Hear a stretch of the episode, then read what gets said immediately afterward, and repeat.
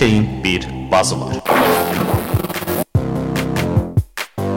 Biri sözbaz, biri qumarbaz, biri nağılbaz.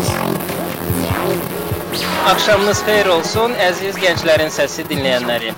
O isə texnologiya ilə maraqlananların bazıdır.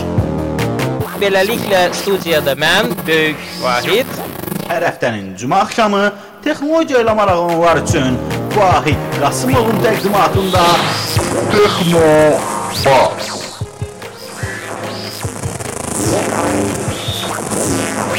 Texnologiya ilə bağlı hər şey. Texnobazda. Salam, hər vaxtınız xeyir olsun, əziz gənclərin səsi dinləyənləri. Cümə axşamıdır, ə, saat 21:00-dır və jingle hələ də dəyişməmiş, ə, Texnobaz verilişi yenə də efirdədir. Bizi canlı efirdə dinləyənləri salamlayıram. Ə, dinləməyənlərin nəzərinə çatdırmaq istəyirəm ki, onlar həm dinləmədikləri bu, həm də ki, əvvəlki bütün verilişlərin arxivini csr.fm saytında verilişimizin arxivində tapa biləcəklər.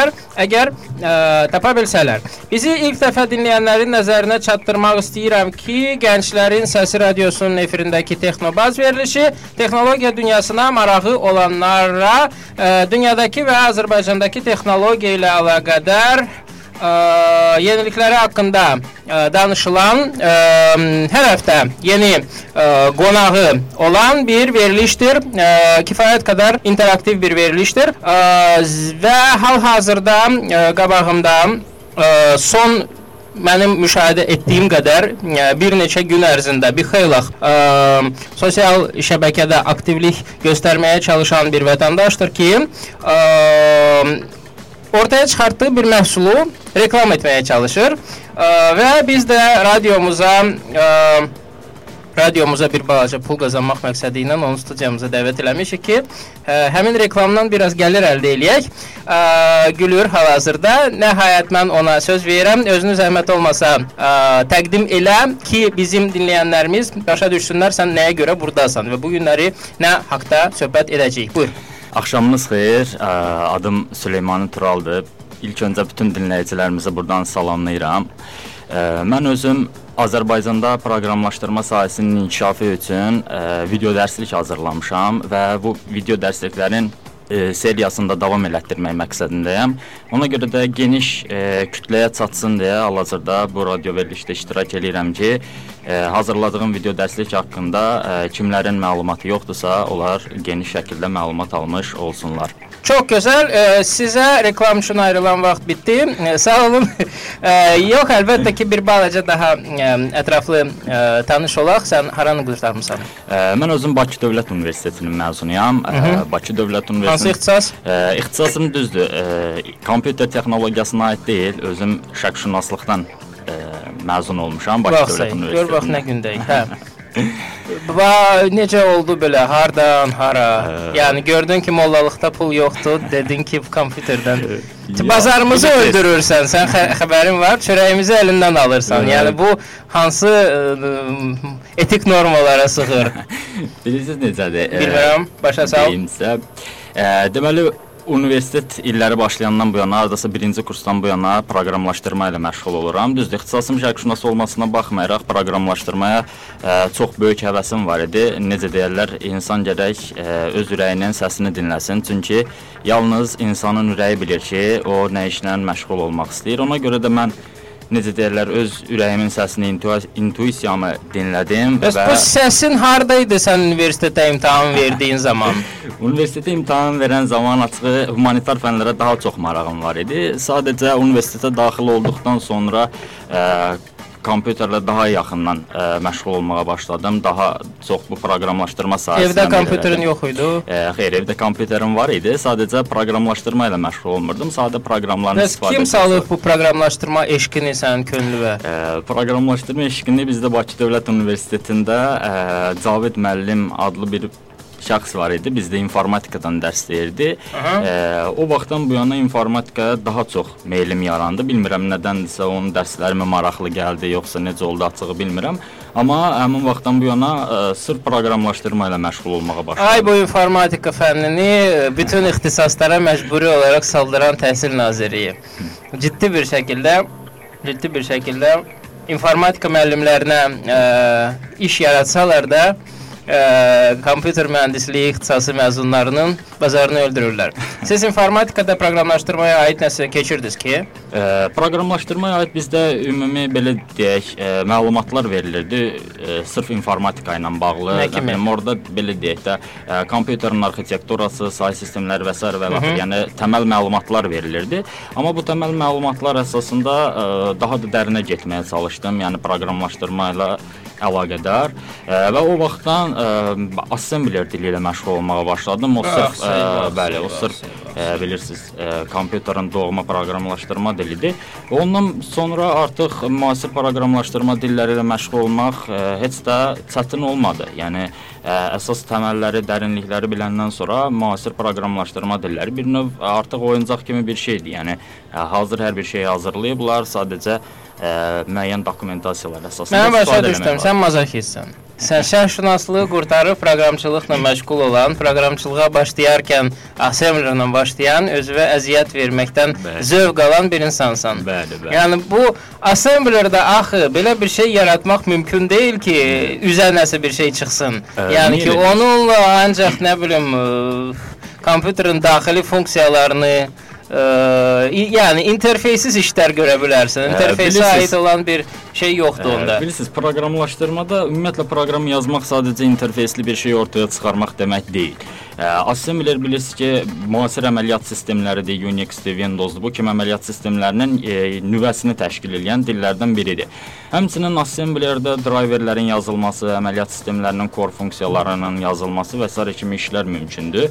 E, düz assemblerdə bəzi praktikalarım olub. Burada kiçik ölçülü antivirusların, virusların və s. E, proqramların yazılması, amma ondan sonra artıq e, müasir proqramlaşdırma dilləri ilə məşğul olmağa başladım. Çünki assembler demək olar Azərbaycanda heç istifadə olunmur.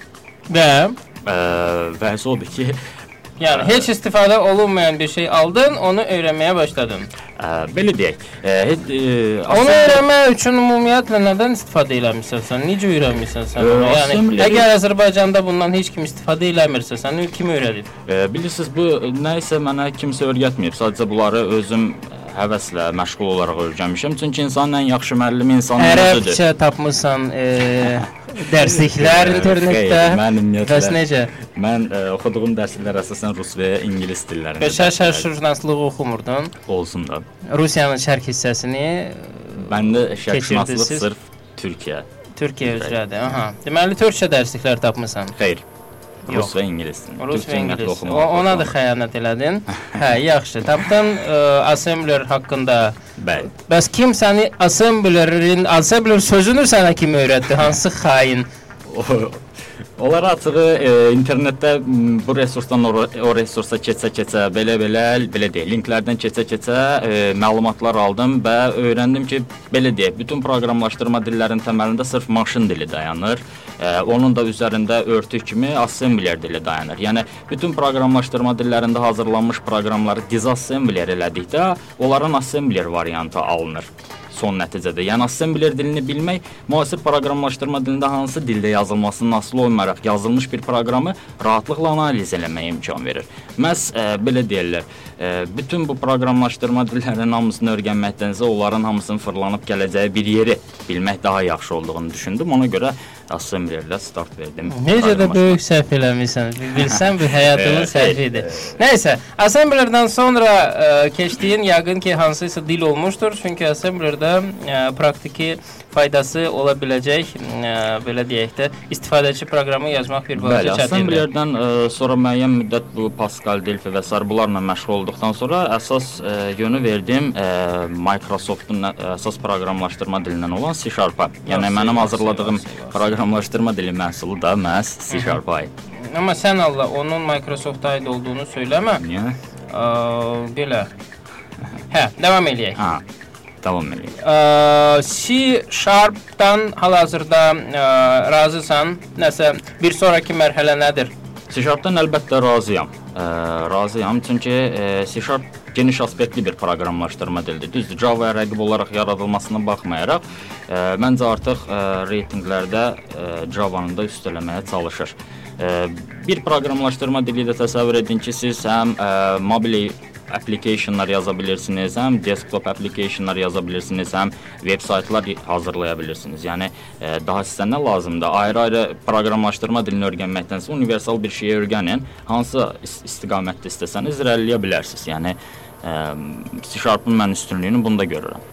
P- Microsoft şey, .NET platformu ilə bir yerdə gələn C elə alsaq, aydın məsələdir ki, ə, kifayət qədər çox işlər onunla görmək olar. Amma ki onun vasitəsilə veb saytların yaradılması barədə mən indiyə qədər eşitməmişəm. Eşidəcəyimi də bu yaxın 10 illikdə sanmıram. Hardan çıxdı belə bir? Ə, Çünki baxın? Microsoftun ə, bir neçə texnologiyaları var. Onlardan birini ASP.NET texnologiyası Okay. təşkil eləyir. ASP.NET-in də müasir variantı ASP.NET MVC platformasıdır. Məhz bunun hesabına C# dilini bilərək müəyyən qədər də veb texnologiyanın işləmə prinsipləridir, müəyyən patternlərin işləmə qaydalarını biləndən sonra rahatlıqla veb sayf səhifələr hazırlamaq olur. Yəni veb No, saytı. yəni ki, C hazırlamaq Sharp-da mümkün. olmayacaq. Bu ASP.X-də Ə, ASP.X təməlində onsuz da C# dayanır. olacaq. Təməlində dayanır bilmirəm, çünki ASP.X var ikən C hələ yox idi. Onun üçün uşağın atanın təməlində dayanması barəsində siz ASP.X deməyin də mən sizə ASP.NET MVC fərqi yoxdur. Yəni ki, ASP.NET-in ə, də təməlində ASP dayanır. Nəticədə. Ə, yaxşı, keçək əsas məsələyə. Sənin hazırladığın ə, dərsliklərə, daha doğrusu dərslikləri hazırlama ə, fikrinə. Ə, nə vaxtı belə bir fikir yaranıb ki, ə, bildiklərimi başqaları ilə paylaşmaq lazımdır? Ə, bilirsiniz, e, informasiya məncə paylaşıldıqca daha da ə, gözəlləşir, daha da dəyər qazanır informasiya Razıyam. paylaşdıqca. Ona görə də hazırladığım video dərslikləri ə, m, insanlarla paylaşmaq qərarına gəldim. Bilirsiniz, ə, Azərbaycanda Yox, bir dəqiqə. Hələ hazırladığın dərsləri cəmaətlə paylaşmaq ə, ə, şeyinə gəlib çıxmamışıq, mövzusuna gəlib çıxmamışıq. Hələ ona o mövzuya gəlib çıxmışıq ki, sən nə vaxt elə bir fikrə gəlmisən ki, ə, dərslik hazırlamaq lazımdır. Ə, mən də belə deyək, ə, universitetdə 4-cü kursdan sonra, yəni daha doğrusu 4-cü kursda artıq ə, əldə etdiyim bilikləri ə, video dərsliklər şəklində paylaşmaq fikri ortaya çıxdı. Bilmirəm nədəndir, amma sadəcə istəyirdim ki, sadəcə də. istəyirdim ki, bildiklərimi digərləri də bilsin. E, çünki hal-hazırda Azərbaycanda proqramlaşdırma öyrənməyə çox meyl olsa da bu sahədə bilirsiniz ki, dərsliklər çatışmır və e, video dərsliklərin də böyük əksəriyyəti rus və ingilis dillərindədir. İndi amma rus və ingilis dillərində bilmir axı, yəni xarici dillərdədir. E, həmçinin açıq bu video portallarda, YouTube və s. bunlarda sadəcə ilkin addımlar atmaq üçün video dərslikləri var. Mən də istədim ki, əldə etdiyim bilikləri sıfırdan mükəmmələ kimi müəyyən bir dərslikdə hazırlayım. Bunun üçün əvvəlcə əmin olmaq lazımdır ki, öz şəxsi biliklərin kifayət qədər dərin və mükəmməldir ki, onları hələ başqaları ilə paylaşasan.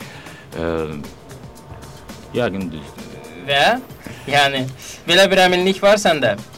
Məndə əminlik var, bəli. Hal-hazırda mən ə, əsas dərslikdə praktikamda, təcrübəmdə əldə Bu etdiyim dəqiqə hal-hazırda- işləyirsən hardasa? Bəli, hal-hazırda işləyirəm. Harda? Reklam olmasının adını deyim. Dinən. Hal-hazırda emanat ödəmə sistemində terminalların proqramlaşdırılması ilə məşğul oluram. Ödəmə terminallarının proqramlaşdırılması. Vaxtsay. Yəni ki, orada ə, C Sharp-da yazırsınız proqram təminatını, Ə, yoxsa başqa dillər istifadə olunur? Başqa dillər ə, istifadə olunur, həmçinin C# istifadə edilir. Bizdə ə, proqramlaşdırmada bir front-end və back-end tərəfləri var. Front-enddə əsas veb texnologiya yönümlüdür. Burada əsas HTML, CSS, JavaScript texnologiyaları istifadə olunur, amma arxa planda əsas provayderlərlə əlaqənin təmin olunması üçün ə, C# dilindən istifadə edirik. Okay. Ə, deməli, neçə il təcrübən var proqramçılıq Mənim üç ildən təcrübəsi? çoxdur. 3 Yəni, ildən bəli. çox təcrübəyə, artıq iş təcrübəsinə sahib olduqdan sonra Bəli. ə, dedin ki, mən Hazırlayın həmin bu biliyi paylaşım. Bəli. Deməli, sizi işdə çox yormurlar. Yəni ki 6-ya kimi işləyirsiniz, 6-dan sonra isə vaxtın qalır ki, hələ video dərslik hazırlayasınız. Bəli, 6-dan sonra gün ərzində 1 saat məşğul olmaq ə, məncə kifayət eləyir. 1 saat ərzində neçə dənə dərslik hazırlaya bilirsən? 1. 1 dənə. Bəli. Yəni ki 1 saatlıq dərsliyi 1 saatda hazırlayırsan. 1 Yoxsa saat olurmu ki, müəyyən şeylərin bir neçə dublini eləmək məcburiyyətində Hə, qalırsan? Nəsə montaj- alınmır, ondan Əlbəttə sonra olur. Montajlar eləmək olur. İndi danışdığım müddətdə müəyyən şeylər yaddan çıxır. Fikirləşirəm ki, bu daha vacib idi. Bu dərsdə bunu demək lazım idi.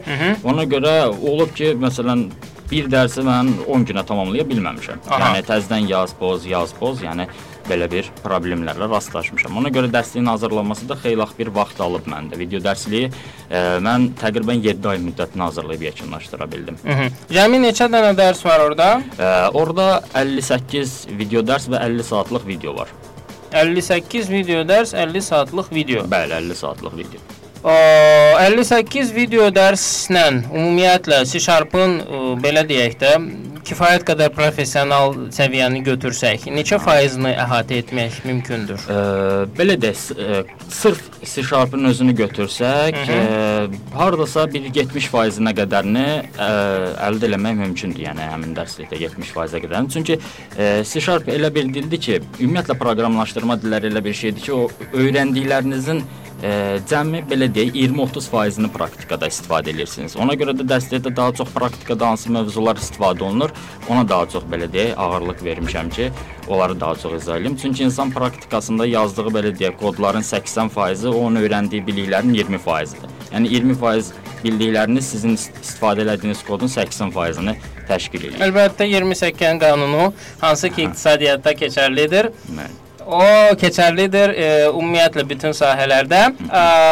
bəs belə deyək, dərsliyin dərslik kimin üçün nəzərdə tutulur? Ümumiyyətlə heç nə bilməyənlər üçün və ya tutalım ki, developer olub C#-ı bilməyənlər üçün, Dərslik- yəni heç nə bilməyən adam həmin dərsliyi götürüb ə, nəsə öyrənə biləcəkmi? Əlbəttə, elə mən də dərsliyi əsas kütlə olaraq proqramlaşdırmadan anlayışı olmayanlar üçün O nəzərdə rusların demi Ruslar demişkən Dlaçenikov səviyyəsi. E, onlardan başlayaraq, bəli, Aha. profi olana qədər e, dərsliyin səviyyəsi nəzərdə tutulubdur. Çünki e, C# elə bir proqramlaşdırma dildir ki, ümumiyyətlə müasir proqramlaşdırma dillərində e, kod yazmaq həddindən artıq asandır. E, əgər siz də bu sahə ilə məşğul olursunuzsa, sadəcə müəyyən API-lardır, müəyyən bir interfeyslərdir, hər şeyi hazır veriblər. Yəni kod yazmaq, e, inanın ki, assemblylərdə kod yazmaq indiki dillərdə kod yazmaqdan qat-qat çətindir. İndiki Asandır. Ha, assemblerdə daha çətindir. Hər halda. daha çətindir. 21 21 21 göstərir mənim saatlarım. Biz mövzuya gözəl bir giriş elədik və bir balaca mən deyirəm ki, dincələk, bir musiqiyə qulaq asaq, ondan sonra söhbətimizə davam eləyərik. Olarmı? Olar.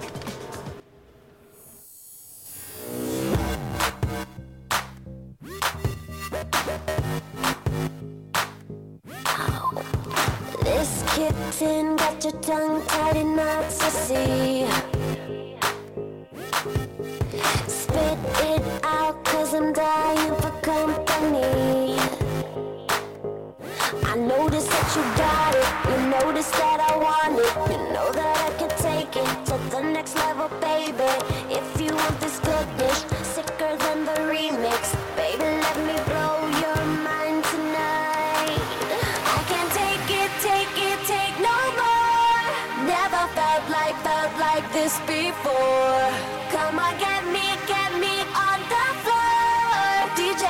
you, what you waiting for? Watch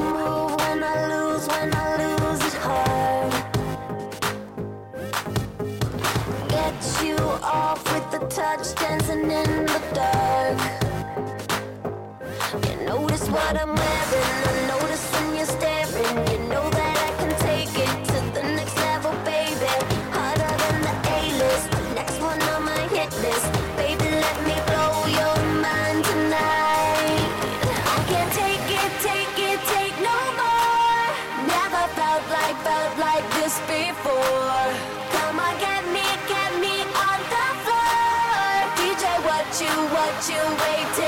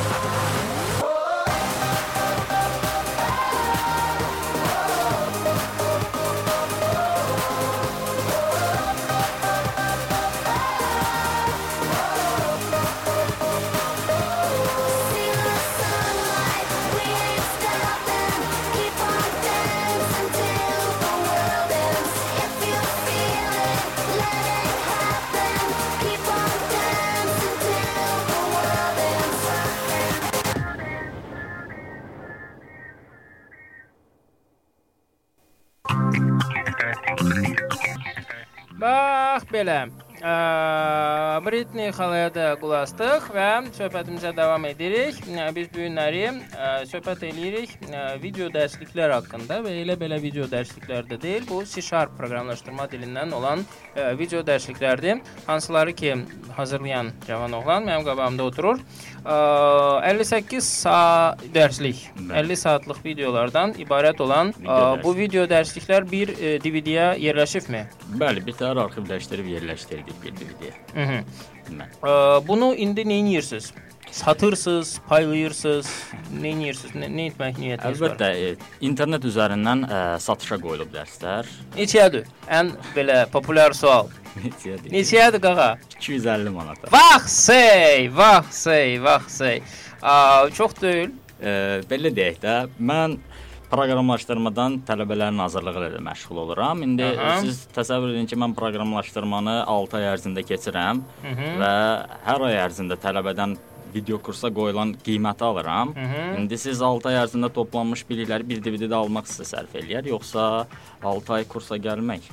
O bir çox adam üçün əslində canlı bir insanın kursuna getmək daha sərfəlidir. Çünki sual verə bilərsən, başa düşmədiklərini bir də təkrar so soruşa bilərsən və Biz- nəhayətində bizimkilər e ekranın qabağında oturmağı, canlı insanla ünsiyyətdə olmağı tərcih eləyirlər.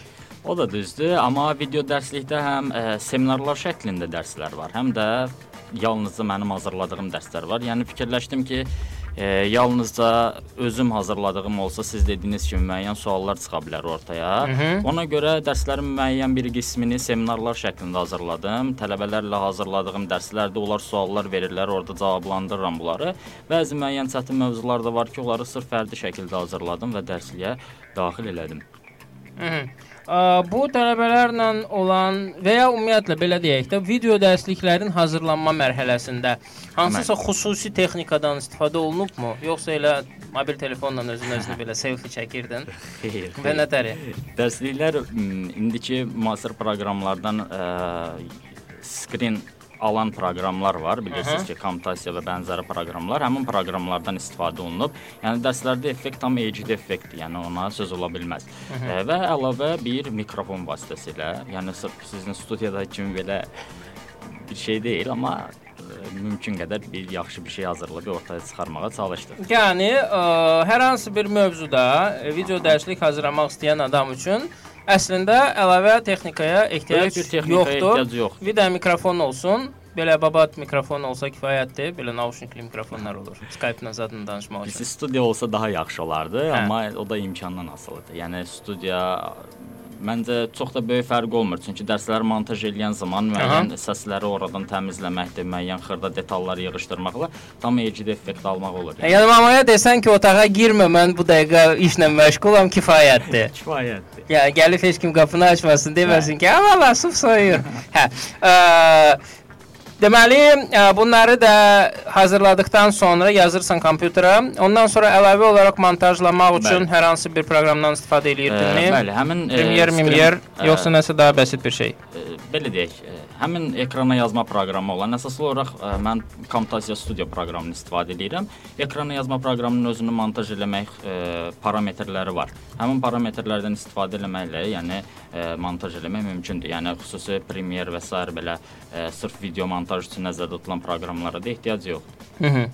Və ondan sonra mövzu mövzu gedirdin. Həmin mövzuları özün müəyyənləşdirmişdin, yoxsa müəyyən bir tutalım ki, kitabı aldın əlinə və kitabdakı mövzuları bir-bir elə bir kompüterdə işlədin.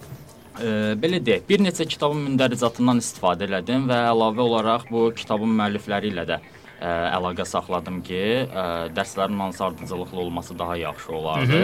Onların da müəyyən Onlar kimdir müəlliflər? Uruslardır yoxsa Belə deyək, müəlliflərdən biri ə, çox C#-la məşğul olanların çox yaxşı tanıdığı ə, Jeffrey Richterdir. .NET platformasında Microsoft komandasına belə deyək, məsləhət verən əsas proqramçılardan biridir. Jeffrey Richter. Həmçinin ə, Windows-un köhnə versiyalarından müasir dövrə qədər kitabların ə, yazıb dünya şöhrətli bir müəllif olan Charles Petzold var. Ə, onunla da əlaqə saxlayıb məlumat aldım. Həmçinin ə, internet üzərindən Ya bu cür məşhur insanlarla əlaqə yaratmaq o qədər asandır. Ə, belə deyə, onlar E-mail yazırsan, sıra cavab verirlər. e-mail yazırsınız, bəli. Yəni o eləsə olur, cavab vermir, ver, cavab verməyənlərin canı sağ olsun, amma ə, diqqət göstərənlər də olur. Və çox da diqqət göstərənlər onu da deyim. İyi, necə baxırlar onlar deyəndə ki, I'm from Azerbaijan deyir ki, other what? Yox. Yox, normal ingilis dilində danışırsınız, yəni cavab verirlər. Burada qeyri-adi bir şey yoxdur. Azərbaycanlılara da heç kim belə qeyri-adi gözlə baxmır. Nə olsun, Azərbaycandır. Hamımız ə, fərqi yoxdur hansı millətdən olmağımızdan asılı olmayaraq biz də proqramlaşdırma ilə məşğul oluruq. Yəni onun millət bölgüsü olmur. Ə, yox, yəni sadəcə Azərbaycan indiyə qədər belə deyək də proqramçılıq nöqteyi nəzərdən adını çıxartmış ölkələrdən deyildir. Heyf ki. İnşallah bundan sonra olar. Hı -hı. Ə, İnşallah. Və onlara söyləmisən ki, bir video dərslik hazırlama niyyətin Bəli. var, yoxsa Bəli. artıq hazırlamağa başlamışdın, ondan sonra ondan əlaqə saxlamışdın? Onlarla müəlliflərin bəzilərindən ə, video dərsliyi hazırlamamışdan əvvəl əlaqə saxlamışdım. Yəni belə bir proyektim olduğunu çatdırmışdım onlara. Ə, onlar da öz köməklərini göstərdilər, hansı ardıcıllıqla olmalıdır və sair bunlar haqqında məlumat verdilər. Amma əsaslı olaraq dediyim kimi internet üzərində kitablardan ə, daha çox istifadə elədim. Yəni, bir neçə belə deyək 5-10 kitabda mündərizat ardıcıllığı, hansılar ə, sadədən mürəkkəbə doğru seçimi daha düzgün eləmək üçün əsas kitab mündəricatlarından da istifadə elədim. Hı -hı. Ə, Video dərsliyə madəm ki, sən bir neçə ay vaxt xərcləmisən. Yəni ki, ə, niyə məhz video dərslik? Yəni elə bir fikir olmadımı ki, oturum ümumiyyətlə sadəcə Azərbaycan dilində kitab hazırlayım? Biz Azərbaycan dilində ə, kitab hazırlamaq, ə, proqramlaşdırmada bilirsiniz ki, ən azından 1000-1500 vərəq arası bir şey alınacaq. Bəli. Ə, bu qədər bizdə biraz belə bir şey var ki, kitabın qalınlığını gördükcə ondan qorxma problemi var. Ona görə böyük bir kitab hazırlamaqdansa daha sadə şəkildə onu video dərslikdə izah eləyərək. Yo, mən şəxsən fikirləşdim ki, 50 saatlıq, 58 dərslik bir şeydirsə, deməli minimum 58 gün mən buna sərf etməliyəm ki, öyrənim. Ə, belə deyə 58 gün. Yəni 1000 səhifəlik kitabı mən bir həftədə bitirərəm, amma Siz 58 bitirərsiniz, dərs amma 2 ay deməkdir. Siz bitirərsiniz. Yəni hamı 1000 səhifəlik kitabı oturub bir həftəyə oxumur. Hı -hı. Yəni ki, elə bir alternativ ümumiyyətlə ağlına gəlməmişdi. Ə, məncə müasir dövrdə Mən nə üçün deyirəm? Çünki 1000 səhifəlik kitabın qiyməti heç olmasa 250 manatdan daha ucuz olardı. Çünki yəni bizim radiomuz gənclərin səsi radiosudur. Mən birinci növbədə onu fikirləşdim ki, elə bir gənc tapılacaqmı ki, tutalım ki, həmin video dərsliyi əldə etmək üçün 250 manat cibindən çıxartsın, versin. Yəni bizdə 250 manatlıq telefon aldığı zaman belə adamlar hı, 10 aylıq kredit ödəyirlər. Bilirsiniz, ə, bu proqramlaşdırma sahəsi çox gəlirli bir şey olduğuna görə sadəcə ə, bu gəlir xatirinə də bununla məşğul olmaq istəyənlər var, açığı. Amma madam ki, o qədər gəlir əldə etmək istəyirsiniz, hər halda müəyyən bir sərmayə də qoymaq lazımdır. Yox, amma bu- ola bilsin ki, mən sadəcə murta bununla məşğul olmağa çalışıram. Yəni sən ə, şərqşünaslıqda oxuyan bir tələbə ikən sən bilirdin ki, proqramçı olacaqsan və bundan pul qazanacaqsan.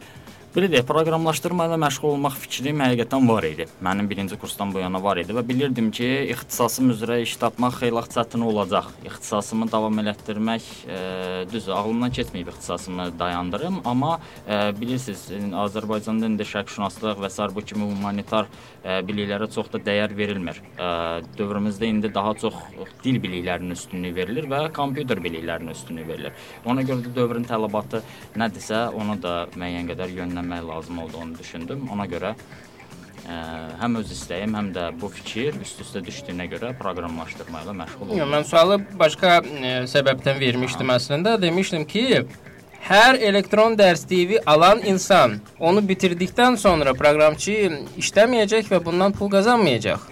Bu insanların seçimindən asılıdır. Yəni əyləncə üçün məncə də fikirləşirəm ki, o qədər pulu verməyə ehtiyac yoxdur, amma sırf bununla həqiqətən məşğul olacaqsınızsa və bununla axıra kimi gedəcəksinizsə, ə, məncə dəyər. Sən müəyyən bir araşdırma aparmısanmı ümumiyyətlə internetdə zətdə? Yəni buna oxşar və ya bənzər tutalım ki, dərsliklər olduğu zaman onların qiyməti və s. nə qədər olur adətən? Düzdür, Azərbaycanda belə bir dərslik yoxdur. Təəssüf ki. olmayan ölkəyə hə ola bilsin ki, bizdə bəli. olmasın, amma məsələn dünyada tutalım ki, mən götürüb ə, rusların hər hansı bir ə, dərsliyini almaq istəsəm və ya türklərin dərsliyini almaq istəsəm, onların qiyməti nə qədər olacaq səncə? Ə, belə deyək də, ə, ruslarda hazırlanan dərsliklər ə, bir DVD-də bir proqramlaşdırma dili dərs də, dərsi cəmlənmir. Onlar ə, sadəcə müəyyən bir proqramlaşdırma dilini müəyyən kusoklara parçalayaraq DVD-də yerləşdirirlər və əlbəttə ki, onların qiymətini ucuz qiymətə ə, satışa buraxırlar.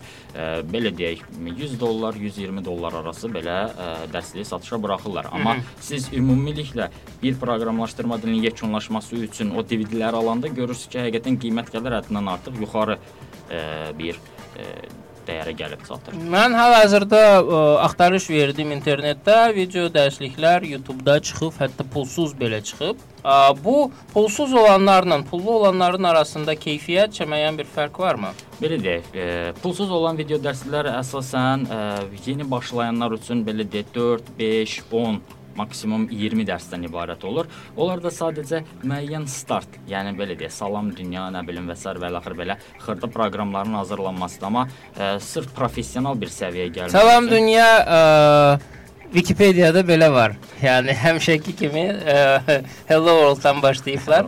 Bəli. Hə. Onlar mənim fikrimcə də ümumiyyətlə proqramlaşdırma ilə məşğul olanların da fikrincə, onlar sadəcə müəyyən bir addım atmaq üçün, kimlər özlərini göstərmək üçün ki, mən də bu sahələ məşğul oluram, kimlər də sadəcə müəyyən bir addım atmaq üçün, belə deyək, 100 addımdan ikisini üçün atmaq üçün e, kifayət eləyən bir e, videolar olur YouTube-da. O biri tərəfdən belə bir şey var ki, əslində ə, video dərsliklərlə nə hansısa işə başlayırsansa, ə, eləmə starta ehtiyac var ki, baxasan ki, ümumiyyətlə bunu necə görmək olar. Yerdə qalanlar artıq video dərsliklərə ehtiyac hiss olunmur. Çünki əgər bir insan ə, belə deyək də proqramçılığa meylli bir insandırsa, əslində proqramçılığı video dərsliklərdən öyrənməzlər. Bir balaca gülüncdür bu. Ə, onu öyrənərlər helpdən, öyrənərlər kitablardan, öyrənərlər nə bilim. Bilirsiniz, düzdür, kitablardan öyrənmə özüm də kitablarla öyrənmişəm proqramlaşdırmanı, amma kitablarla öyrənmək daha çox vaxt alır. Bilirsiniz, kitablarla öyrənmək, həmçinin e, indiki kitabların da böyük əksəriyyəti e, praktika ilə üst-üstə düşmür. Onlar sadəcə müəyyən mövzuları izah eləyirlər, müəyyən mövzuların izahını verirlər, amma praktikada istifadə tamam fərqli bir şeydir. Bunu praktiki nümunədə istifadəsini görmək lazımdır. Elə mən adlarını sadaladığım, sadalamadığım müəlliflərin böyük əksəriyyəti də e, sırf bu aspektdən yazırlar. Proqramlaşdırma çox geniş bir sahə olduğuna görə onu 1000 vərəqlik, 1500 vərəqlik kitaba belə sığışdırmaq mümkün deyil. Sadəcə müəyyən mövzuları istifa e, daha çox praktikada tələb olunan mövzuları izah eləmək mümkündür.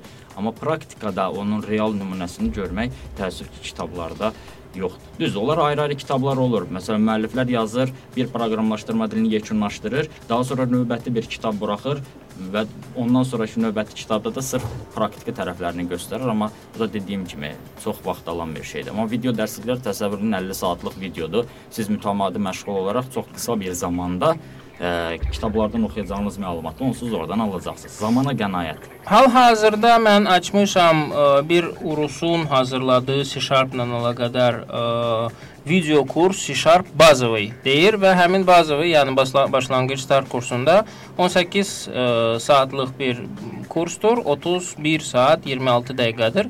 Bu ara 57 dollara satır onu. Ə, həmin ə, başlanğıc kursunun belə ə, yəqin ki, satışını təşkil eləmək üçün birinci burada çox maraqlı bir şey elədi. Ə, deməli 13-cü dərs ə, free-dir. Pulsuzdur. Hə. Ə, ümumiyyətlə 18 dənə dərsi var. Beləliklə ə, beləliklə beləliklə bunların hamısını yerləşdirdi internetə. Buna həsr olunmuş bir dənə səhifə var.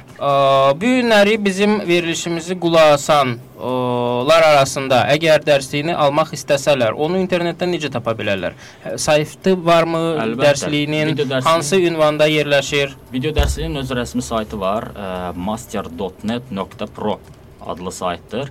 Həmin saytda video dərslikdən həmçinin nümunə də var. 2 saatlıq videonu mən orada free belə deyək yerləşdirmişəm. Yəni dərslikdən nümunəyə baxa bilərlər, dərsliyin təqdimatına baxa bilərlər ə, və bəyəndikdən sonra əlbəttə ki, dərsliyi alıb m, öyrənə bilərlər. Deməli, master.net bitişik yazılıb .pro. Yəni bu .com, .net deyil, .produr. Ə, Kəşf eləməyin.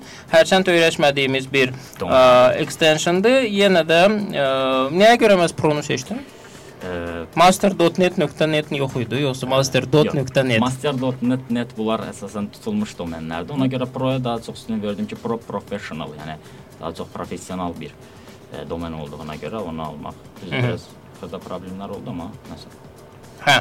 Ə, və burada tanıtım gedir, hansı mövzular yer almışdır, hamısı var.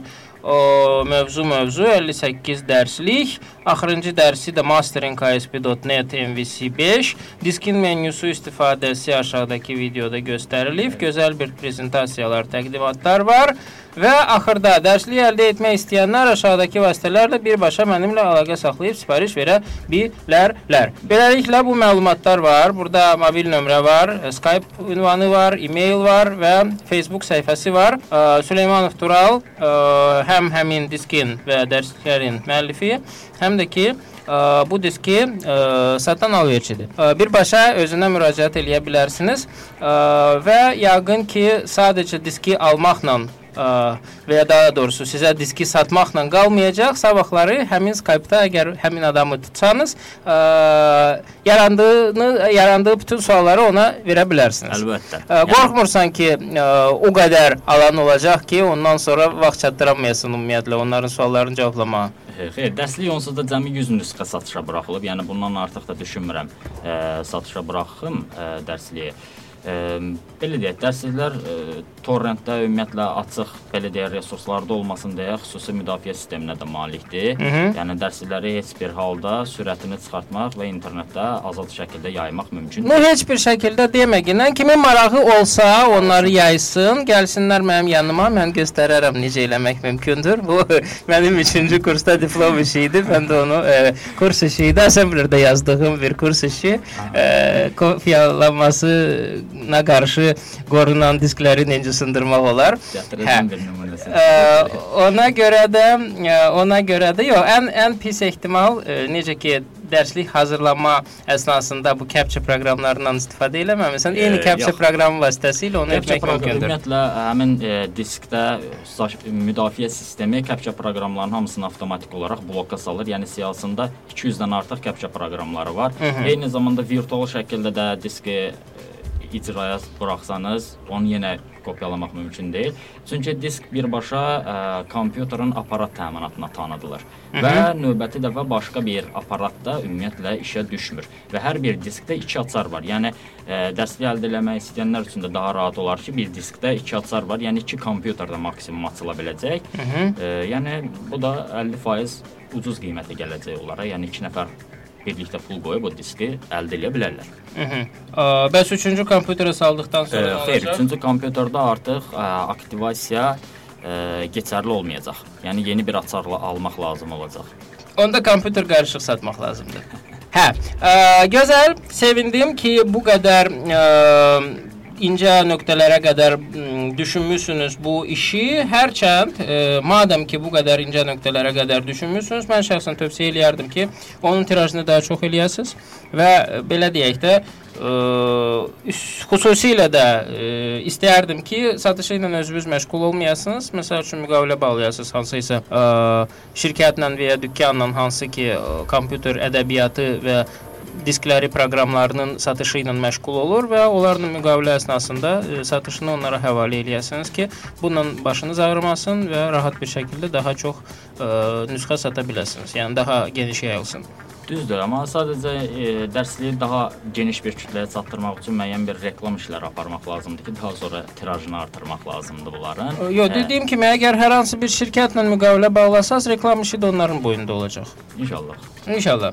Ə, Bunu məncə çox ertələməyin, çünki bu cür məhsulların ə, belə deyək də yeni versiyaların çıxma xüsusiyyəti var və gözlətdikcə bir balaca ə, vaxtı keçir. Yəni smetan kimi ə, hər şeyin istifadə müddəti vardır. Aydın məsələdir ki, bəlkə Azərbaycan üçün bu o qədər aktual deyil, imtahası ümumi, ümumiyyətlə bunu bunu fikirləşmək ə, lazımdır. Ə, gələcəkdə bizi nə gözləyir?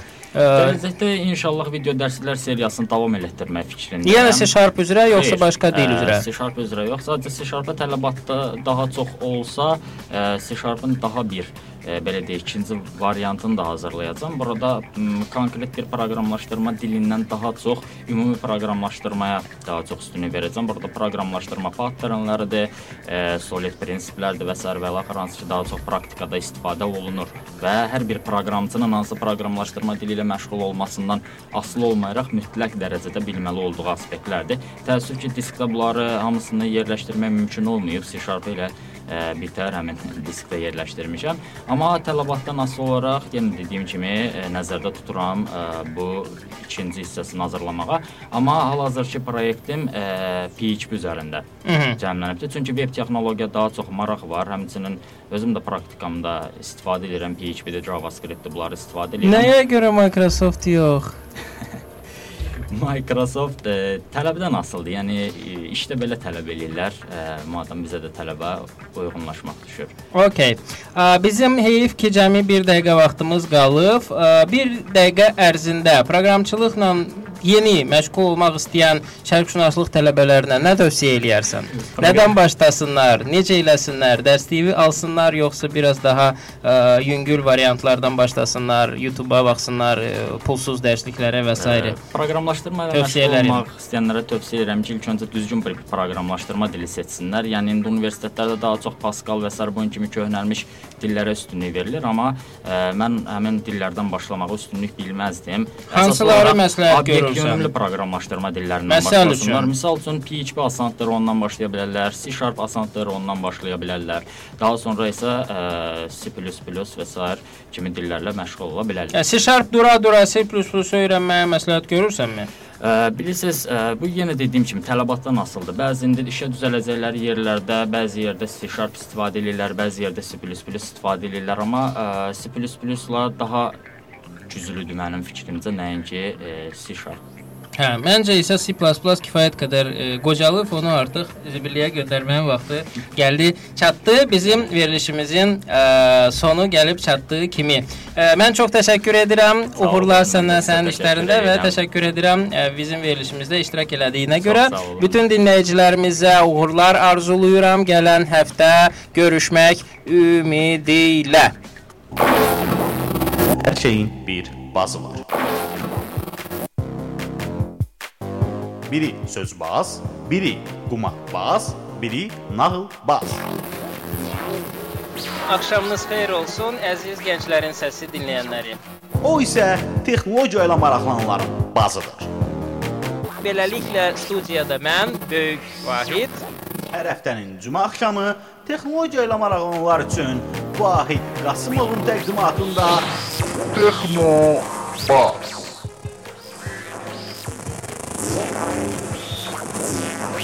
Texnologiya ilə bağlı hər şey. Texnobazda.